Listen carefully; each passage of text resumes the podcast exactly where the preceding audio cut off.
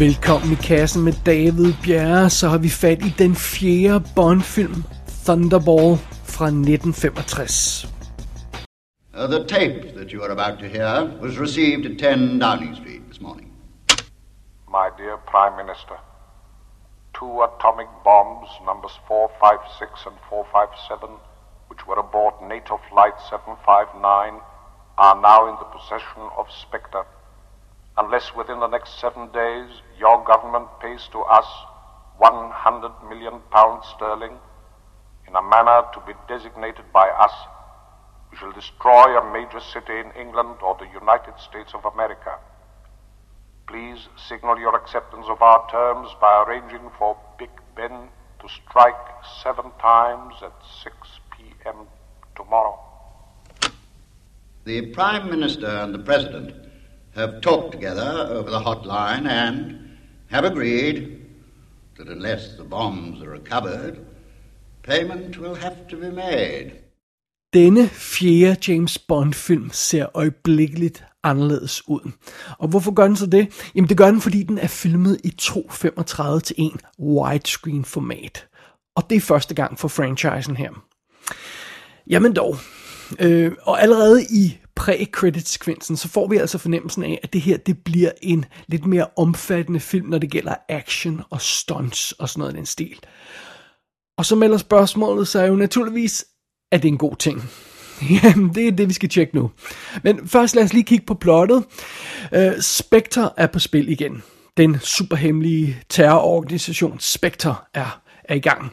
Og denne her gang har de stjålet to atombomber. Og de har simpelthen tænkt sig at afpresse NATO for 100 millioner pund. Og øh, det ser sådan set sort ud, fordi hvis ikke, rigtig man, hvis ikke man kan finde de der bomber og, og ved, hvor de er, jamen, så har man ikke rigtig noget andet valg, end at betale ved kasse 1, inden deadline udløber om en uges tid. Så det er jo, et, det er jo, det er jo ikke så godt. Det, det er en lidt øh, dårlig situation. Men i mellemtiden, så sker der noget helt andet. James Bond, han er faldet over et spor i en helt anden forbindelse, der leder ham til manden bag det her plot med atombomberne. Det er den skumle Emilio Largo, som har en øh, mistænkelig smuk øh, niese, air quotes, øh, som, som hænger ud, han hænger ud sammen med.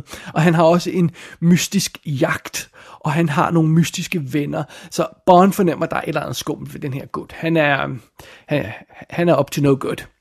Så mens de voksne i den engelske regering arbejder på at få skrevet den her løsesum sammen og, og forhindre atomkatastrofer og alt det her løjse, øh, så går Bond altså i gang med sin egen lille efterforskning i Bahamas, hvor han øh, forsøger at gennemskue, hvad det egentlig er, den her mystiske Largo har gang i. Så det, det er basically plottet her i Thunderball. Og øhm, hvis man skal have mere info på filmen, hvis man lige skal huske, hvad det er for en af Bond-filmene, så er det jo den her Bond-film, hvor han flyver med en jetpack. han, han, med, med en fin lille rund hjelm på, på hovedet, så flyver han rundt med en jetpack, og det er egentlig et meget cool stunt, men det bliver rent faktisk lidt spildt i øh, pre-credit-sekvensen. Det, det er ikke noget, der bliver brugt i selve hovedhistorien. Men øh, øh, Bond flyver altså rundt i en jetpack. Så er det her jo også filmen, hvor Tom Jones synger titelsangen.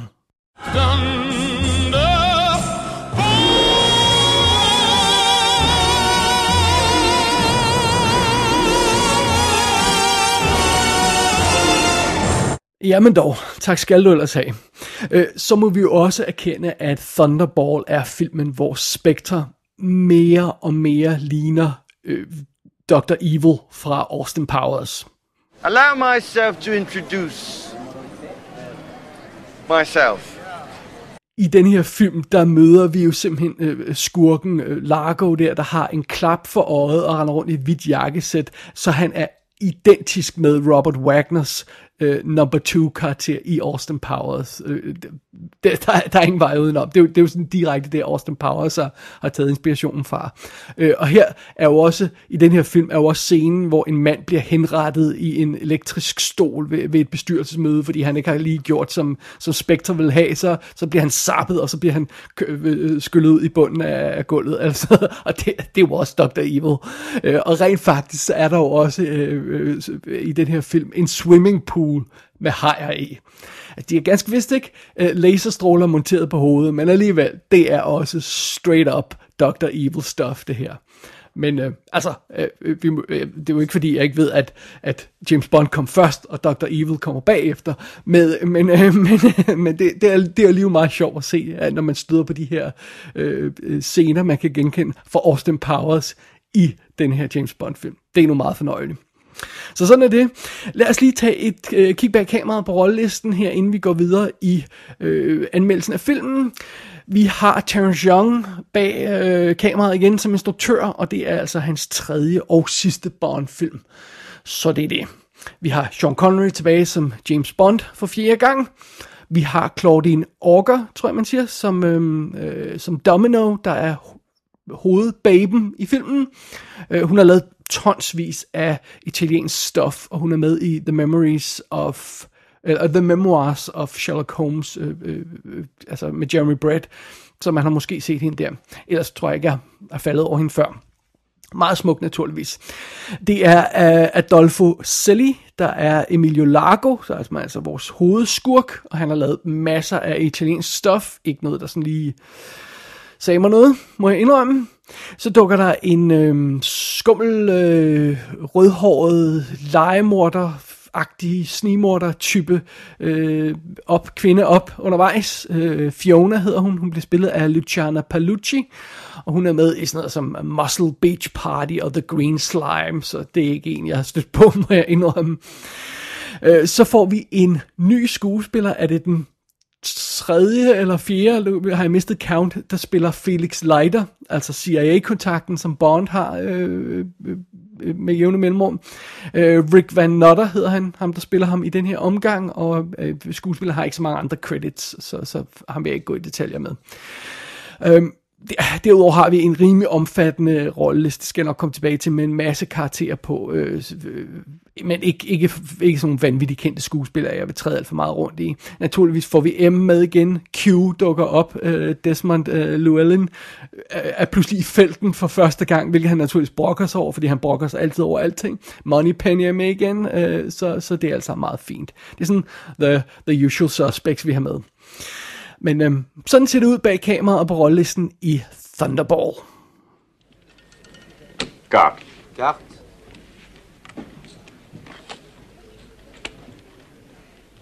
Eight. Someone has to lose. Yes, I thought I saw a spectre at your shoulder.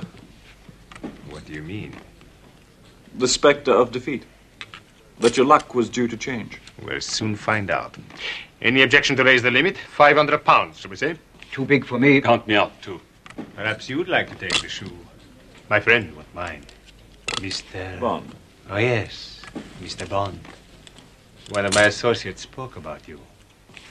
Nothing bad, I hope. Un banco de 500 livres. Ah, it's your spectre against mine, huh? Le banco est fait. You wish to put the evil eye on me, huh?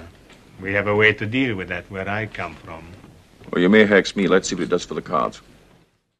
En ting, jeg bemærkede ved Thunderball, før jeg overhovedet startede filmen, det var, at det, det er den længste Bond-film so far. Den spiller 130 minutter. Og øh, bare lige igen for at sammenligne med nogle andre film på det tidspunkt, The Guns of Navarone fra 61 og Where Eagles Dare fra 68. Så det er lige sådan nogle år på, på, på hver side af den her film. De, de to film spiller begge 158 minutter. Næsten 240. Øh, og, øh, og, så det kan altså godt lade sig gøre at lave en, en, en, en tempofyldt spionhistorie øh, i 60'erne, der er lang. Så det er ikke fordi 130 minutter er, er, er så dramatisk alt andet lige. Men nu har Bond-serien jo indtil videre ikke haft held med at, ska- at skabe sådan fokuserede, skarpe, tempofyldte plot. Så øh, jeg ved ikke, om vi har brug for de der 10, øh, øh, ja, 15-20 minutter og, øh, og ekstra spilletid i forhold til de forrige film. Det, det, det ved jeg ikke, om vi helt har brug for. Men øh, det kan vi jo vende tilbage til. Så sådan er det. Men, men øh, øh, ganske rigtigt, som man måske kunne mistænke, øh, øh, øh, så den her ekstra spilletid betyder altså, at der går lidt tid, før vi når frem til pointen i filmen. Vi får naturligvis den sædvanlige øh, pre-credit-sekvens. Det er den med jetpacken, hvor, hvor Bond flyver rundt. Og det, det er sådan en besynderlig sekvens, fordi den starter meget alvorligt, og så bliver den ekstremt fjollet, hvor, hvor Bond har slås kamp med, med en gut i, i dametøj. Øh, stille underligt. Øh, derefter, så går vi altså til det her, øh, nu må vi indrømme, ufrivillig komiske øh, Spectre bestyrelsesmøde, øh, hvor den aktuelle plan for, for organisationen bliver etableret. Så, så det er det øh, pre-credit-sekvensen, credit-sekvensen, og så har vi den her etablering af, af Spectre. Øh, og efter det, så ser vi altså Spectre udføre deres mission og stjæle de her bomber fra et fly og, og slippe afsted med dem, og det er altså meget dramatisk. Og mens vi ser det, så render Bond rundt og laver nogle ting, som ikke rigtig ser ud til at føre til noget lige ved første omgang. Han render rundt og sådan, han er, han er sådan øh, en øh, øh et spar eller sådan et eller andet haløjse sted, hvor han skal øh, øh komme sig på hægterne igen, og, og, og det, det fører ikke rigtig til noget. Det, det er underligt. Øh, og først efter 40 minutter, så får vi altså etableret den reelle trussel i den her film og Bonds mission. Øhm, op til det punkt, så virker det umiddelbart som om den her film er overlæsset med ting, der egentlig ikke rigtig er nødvendige. Fordi det filmen med frem til er relativt simpel. Spectre stjæler to bomber, og Bond falder over et vigtigt spor, der leder ham til skurken. Og de to ting bruger filmen altså 40 minutter på at etablere og det er lang tid. Efter det, øh, efter den her unødvendigt snørklede start, så er det, vi når frem til sagens kerne, og det er Bond, der efterforsker ham her, Largo, øh, skurken øh, med, med klappen for øjet. Så det er det. Og, og fidusen er jo, at, Bond, han ved godt, hvem Largo er. Han er en inspektoragent, og øh, Largo ved godt, hvem Bond er. Han er en MI6-agent. Øh, men alligevel så lader de begge to, som om de ikke ved noget, og øh, samtidig indikerer de over for hinanden, at de virkelig godt ved noget. Så, så det, det er det, filmen gerne vil have gang i. Den vil gerne have gang i sådan et katten efter musen scenarie, hvor de her to karakterer leger lidt med hinanden og forsøger at få skoven under modstanderen. Det er sådan det, det, er det den her film gerne vil lege med. Og det er altså meget fint, men det får mig til at stille spørgsmålet, virker det som den rigtige fremgangsmåde her? Sådan ærligt talt. Altså, der er ingen tvivl om, at det her vil være en, en, øh, en effektiv plan i nogle tilfælde. Altså, Bond, han kan være ekstremt øh, god til at, at provokere folk og få dem til at sige for meget og, og, og netop sådan stikke til sådan skurk. Det kan han godt, og, og, og det er han god til. Han er jo charmerende, og så kan han score babes rundt omkring og score skurkens babe, og det er altså meget fint, og så kan han stikke til ham, og, og så kan, kan der komme noget ud af det. Men her snakker vi altså om en situation, hvor truslen er to atombomber og vi har en stram deadline, der er, jeg tror, fire dage væk, når Bond han får sin mission. Så, så er der fire dage til den her deadline udløber. Øhm, så virker det øh, øh, specielt effektivt, at Bond han, han øh, render rundt i badebukser og spiser frokost med skurkens elskerinde og forsøger at provokere ham øh, og bliver inviteret til, til, til, til, til middag på søndag i skurkens hus og sådan noget. Altså virker det som en, den rigtige fremgangsmåde her? Øh, øh, virker det her ikke som et scenarie, hvor der skal helt andre midler på banen for at løse den her konflikt øh, inden deadline. Altså, skal der ikke mere action og mere fokus til for at finde de her bomber og stoppe skurken og sådan noget? Øhm, øh, altså, Bond, der laller rundt på en strand, virker ikke som en god brug af, af nogen som helst tid. Eller er det bare mig? Øh, plus, øh, Bond bruger enormt meget tid i den her film på at lede efter det fly, der havde bomberne i sig, som er forsvundet man ved, man ved specifikt, hvad det er for et fly, det, og, og det faldet ned, og, og det er altså meget dramatisk. Øh, og man mistænker, at det styrter ned i det her område, og, og Bond han leder efter det. Men hvorfor? Hvorfor, hvorfor leder han efter flyet? Det, altså, de ved jo, at bomberne ikke er der, fordi bomberne har Spectre fjernet og gemt et sted. Og de er også 100, næsten 100% sikre på, at det er Largo, der har dem, og, og har dem et eller andet sted. Så det er, jo, det er jo derfor, de skal holde øje med ham. Øh, hvad skal de bruge vraget til? Hvad, hvad skal de bruge vragets location til? Det må, det må jeg, jeg, jeg faktisk ikke helt forstået, hvis jeg skal være helt ærlig. Og, og, og hvis jeg skal være endnu mere ærlig, der, der, der var flere ting, jeg ikke forstod i Thunderball. Øh, jeg synes, historien er noget råd. Øh, øh, altså, øhm, filmen virker overlæsset, og der er mange ting, der er vildt dårligt forklaret, eller, eller ikke rigtig giver mening, hvor man tænker, hvad, hvad, hvor, hvorfor gør de det, og hvorfor skal de det nu? Hvorfor skal vi spille tid på det? Hvorfor er der ikke nogen, der registrerede, at det der skete? Hvorfor? Jeg synes, der er helt vildt meget småsjusket råd i den her film, hvis jeg skal være helt ærlig. Plus, der er alt, alt for mange karakterer i den her historie. Vi har vores helt, Bond. Vi har vores skurk. Okay, fint nok. Så har vi skurkens babe. Så har vi hendes bror. Så har vi fyren, der bliver ændret til at ligne broren. Så har vi agenten, der skal sørge for at få den del af planen til at fungere, og hende, den kvindelige agent, der også er involveret i den plan. Og så har vi alle skurkens håndlanger, og flere af dem bliver specifikt introduceret ved navn, så det virker som om, de er vigtige, men det er de ikke alligevel. Øh, og så dukker der også en eller anden videnskabsmand op, som jeg ikke aldrig rigtig fandt ud af, hvad vi skulle bruge til. Øh, derudover så har vi hvor, øh, på vores helds side, så har vi, øh, at der, han pludselig får, øh, har en assistent, my assistant siger han, som er en af en latino babe, som vi aldrig får introduceret ordentligt, og aldrig ikke får forklaret, hvem er, øh, før vi pludselig skal, tage stilling til hende. Og øh, Bond har også fået en lokal kontakt på Bahamas, som aldrig øh, bliver introduceret ordentligt heller. Og så dukker Felix Leiter op igen fra CIA og hjælper. Lader så meget fint, men han ser jo anderledes ud igen, så det er også forvirrende. Øh, så i en, i en forvejen overlæsset film, så gør det her altså ikke situationen bedre. At der er alt, alt, alt for mange karakterer. Det skal simpelthen det skal simplificeres, for at det virker. Øhm, og problemet er jo så også, at i det her overlæssede, komplicerede virvar af nonsens, så bliver den simple kerne i historien kvalt. Øhm, øh, øh, øh, fordi Bond han tuller rundt på en strand og hygger sig og spiser frokost, så får vi aldrig fornemmelsen af den der skarpe deadline. Og, og den her deadline bliver nævnt et par gange, men store dele af filmen glemmer vi den her deadline. Den bliver slet ikke nævnt. Øh, og jeg har meget svært ved at fornemme, hvor mange dage der egentlig går, og hvor hurtigt det er uret tigger, fordi at øh, Bonden render bare rundt og, og, og laller, så, så det, det får vi aldrig i fornemmelsen af. Vi mangler den der skarpe deadline. Vi mangler den der fokuserede jagt på de her bomber.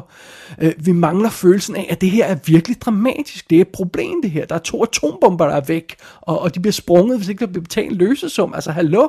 Øh, men der er alt for meget hygge i troberne over den her film, øh, til at det plot bliver effektivt etableret. Det er virkelig en spildt chance, synes jeg, som, øh, som, som Thunderbolt Thunderball støder ind i her. Øhm, plus lad os heller ikke glemme det mest frustrerende aspekt ved den her historie. Det er 100% tilfældigt, at Bond falder over et vigtigt spor i den her sag. Fordi fidusen er jo, at Spectre får øh, kapret et fly med, med, med to atombomber ombord. Og, øh, og de, de sjæler de her bomber. Og øh, grunden til, at de kan kapre det her fly, fly, det er, at de har en agent, der har fået opereret sit ansigt, så han ligner den NATO-kaptajn, der skal flyve med flyet. Og fint nok. Den agent, som har fået opereret sit ansigt, er tilfældigvis indlogeret på den klinik, hvor Bond han hviler ud. Det er tilfældigt, de, de er samme sted. Og Bond, han ser tilfældigvis en tatovering på en anden mands håndled, der gør, at han mistænker, at den her mand er skummel, og så begynder han at grave i sagen, og så falder han over det her med øh, operationen, og så falder han over livet af den rigtige døde kaptajn, som er blevet erstattet. Og for det ikke skal være løgn, så da Bond han bliver briefet i London om tyveriet af de her bomber, og så han skal sendes ud på sin mission, så genkender han den her døde kaptajn på et billede. Og det her billede, det er af kaptajnen og dennes søster. Og bag på billedet er et stempel med navnet på den fremkalder service i øh, øh, Nassau, som, som hovedstaden i, på Bahamas, hvor, hvor det her billede er blevet fremkaldt. Den fremkalder service, det, der står der et stempel på, og derfor finder øh, Bond ud af, at det hele foregår på Bahamas, og det er grunden til, at Bond bliver involveret og bliver sendt til Bahamas. Det er, at han har set stemplet på det her fotografi af en kaptajn, hvis døde lige han har set tidligere, og nu kender, øh, kan han se, at øh, kaptajnen har en søster, og den her søster er nok på Bahamas, og derfor tager han afsted. For helvede da! Udover at den udvikling i historien er nærmest umulig at gennemskue, når man rent faktisk ser filmen. Men jeg blev sådan nødt til at stoppe op bagefter og sådan ligesom øh, nærmest sådan forsøge at overskue plottet, hvad der egentlig skete. Udover det umulige at overskue, så er det vildt dårligt fortalt. Altså det er vildt dårligt vis. Man skal virkelig være opmærksom på de mest små detaljer og huske ting og sammenfald og sådan noget. Og genkende folk, vi kun har mødt en gang før. Og før. Man skal virkelig være opmærksom på for at få det her til at, til at um, hænge sammen. Men, men, øh, og det, det er frustrerende nok, men det er også frustrerende, at det nærmest er en lang række af tilfældigheder, der gør, at det her falder på plads, så Bond bliver sendt til Bahamas for at, for at blive blandet ind i sagen og, og efterforske Largo. Fuldstændig tilfældigheder og sammenfald. Øh, og, og, og det illustrerer meget godt den her række af sammenfald. Det illustrerer meget godt de gennemgående problemer i den her historie. Det, det er... Øh, det, det er bare ikke godt. Og, og, og de her problemer skaber et andet irritationsmoment i historien. Fordi vi har jo fået etableret tidligere, i tidligere film, at Bond sjældent ved, hvad der foregår. Så nu har vi altså en kompliceret historie, der er relativt dårligt fortalt, og der er momenter i den her historie, hvor Bond han lader som om, han ikke ved, hvad der foregår. Men det er svært at gennemskue, for normalt ved han ikke, hvad der foregår. Og jeg kan ikke kende forskel på, at Bond han lader som om han ikke ved, hvad der foregår, og han reelt ikke ved, hvad der foregår. Så jeg bliver forvirret undervejs. Vent, vidste Bond det der, eller vidste han det ikke? Og så opdager vi fem scener senere, åh, oh, han vidste det. Okay, fair nok. Dårligt fortalt. Dårlig fortælling, dårligt fortalt, dårlig manus, dårligt skrevet, dårlig film. Simpelthen. Så det. Og naturligvis, jamen, når vi har fat i Bond, øh, lad os lige øh, tjekke ind med ham. Han, han øh, demonstrerer naturligvis sine sædvanlige manglende talenter i den her film. Det, det er altså lidt imponerende efterhånden. Øh, han, er, han er ikke pludselig blevet skarp og øh, opmærksom, den kære Bond, i, i den her fjerde film. Øh, den her gang, så taber han sin pistol midt i en jagt, sådan så den går af, og han, han er ved at få, få afsløret sin location. Øh, han prøver også på et tidspunkt at gå undercover hos skurken, ved at tage en dykkermaske på. En dykkermaske, der hovedsageligt består af en glasplade, så man kan se hans ansigt. Jamen altså, really? Og øh, undervejs så er Bond naturligvis også ved at blive skudt et par gange. På et tidspunkt får han en håndgranat kastet i hovedet. Øh, men, og det går, det går rigtig faktisk af, men der er åbenbart ikke så meget at ødelægge i det hoved, fordi han virker okay bagefter men det værste moment er faktisk næsten der, hvor Bond han bliver fastspændt til en maskine i, det her spar, hvor han skal komme sig. Han bliver fastspændt til en maskine, der skal rette hans ryggrad, for han at vide, som, som sådan hiver i ham på en eller anden måde. Det virker nonsens, men sådan er det. Nå, anyway, så mens han er spændt fast der, så kommer en af skurken op og skruer øh, hen og skruer op for maskinen, sådan så den bliver er ved at flå Bond fra hinanden, så han er ved, han er simpelthen ved at blive dræbt af den her maskine, for den er ved at flå ham fra hinanden. Det sker mindre end 20 minutter ind i filmen. Mindre end 20 minutter ind i filmen, der er den her professionelle, hemmelige agent, han er ved at blive flået i stykker af en maskine, som han har lavet sig spænde fast i. I mean, honestly, altså, come on, do better. Øh, okay, fair nok. Thunderball byder os på nogle omfattende action- og stuntsekvenser. Der er blandt andet nogle meget, meget flotte undervandsscener. Og øh, de ser mega komplicerede ud, og de er jo altså lavet totalt uden brug af CGI-snyd. Øh, det kunne man ikke på det tidspunkt. Og vi snakker altså senere, hvor der sådan 20-30 dykkere, der slås under vandet, mens harpuner flyver frem og tilbage og sådan noget. Det er virkelig omfattende. Meget, meget flot. Det er, der, der er helt vildt mange undervandsscener i den her film, og der er virkelig mange under, flotte kampscener under vandet og, og sådan ting. Det er imponerende. Men bortset fra de undervandsscener der, så er der, altså, der, der er ikke meget at hente i den her film. Det synes jeg ikke, når det kommer til stykket. Jeg må indrømme, Thunderball testede min tålmodighed undervejs. Det gjorde den virkelig. Øh, jeg, jeg bliver simpelthen utålmodig over, at Bond ikke har mere ild i røven for at opklare den her. Altså, han har fire dage til at finde to atombomber, og han hænger ud på en strand og spiser frokost med, med, med, med, med en babe. Come on, det, det, det er frustrerende, synes jeg. Og jeg er også frustreret over, at filmen er så dårlig til at forklare de mest basale ting i plottet, sådan så man simpelthen ikke øh, forstår, hvad der foregår i scenerne. Øh, og, og kernen i det her plot er jo ellers ekstremt simpel og burde virke perfekt. Atombomber bliver stjålet, der er få dages deadline, let's go, let's do it. Øh, men Thunderball nægter simpelthen at være den effektive, drevne action spion thriller, som den kunne være. Øhm, hvilket er ærgerligt, fordi overordnet set, så føles det her som den ideelle Bond-historie. Det her føles som om, det burde være den perfekte Bond-film. Det er det bare ikke. På nogen måde. Så, I don't know. Sean Connery har jo rent faktisk kun to officielle chancer tilbage for at bevise, at han er den perfekte, klassiske Bond-skuespiller. Det ser ikke godt ud på nuværende tidspunkt. Lad os se, hvordan det ser ud med næste film. Næste mulighed, øh, Sean Connery får for at bevise, at han kan noget, det er filmen You Only Live Twice.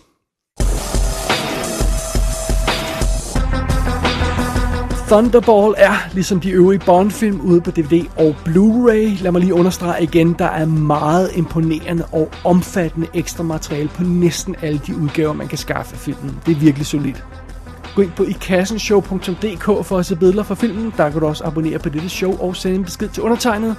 Du har lyttet til I Kassen med David Bjerre.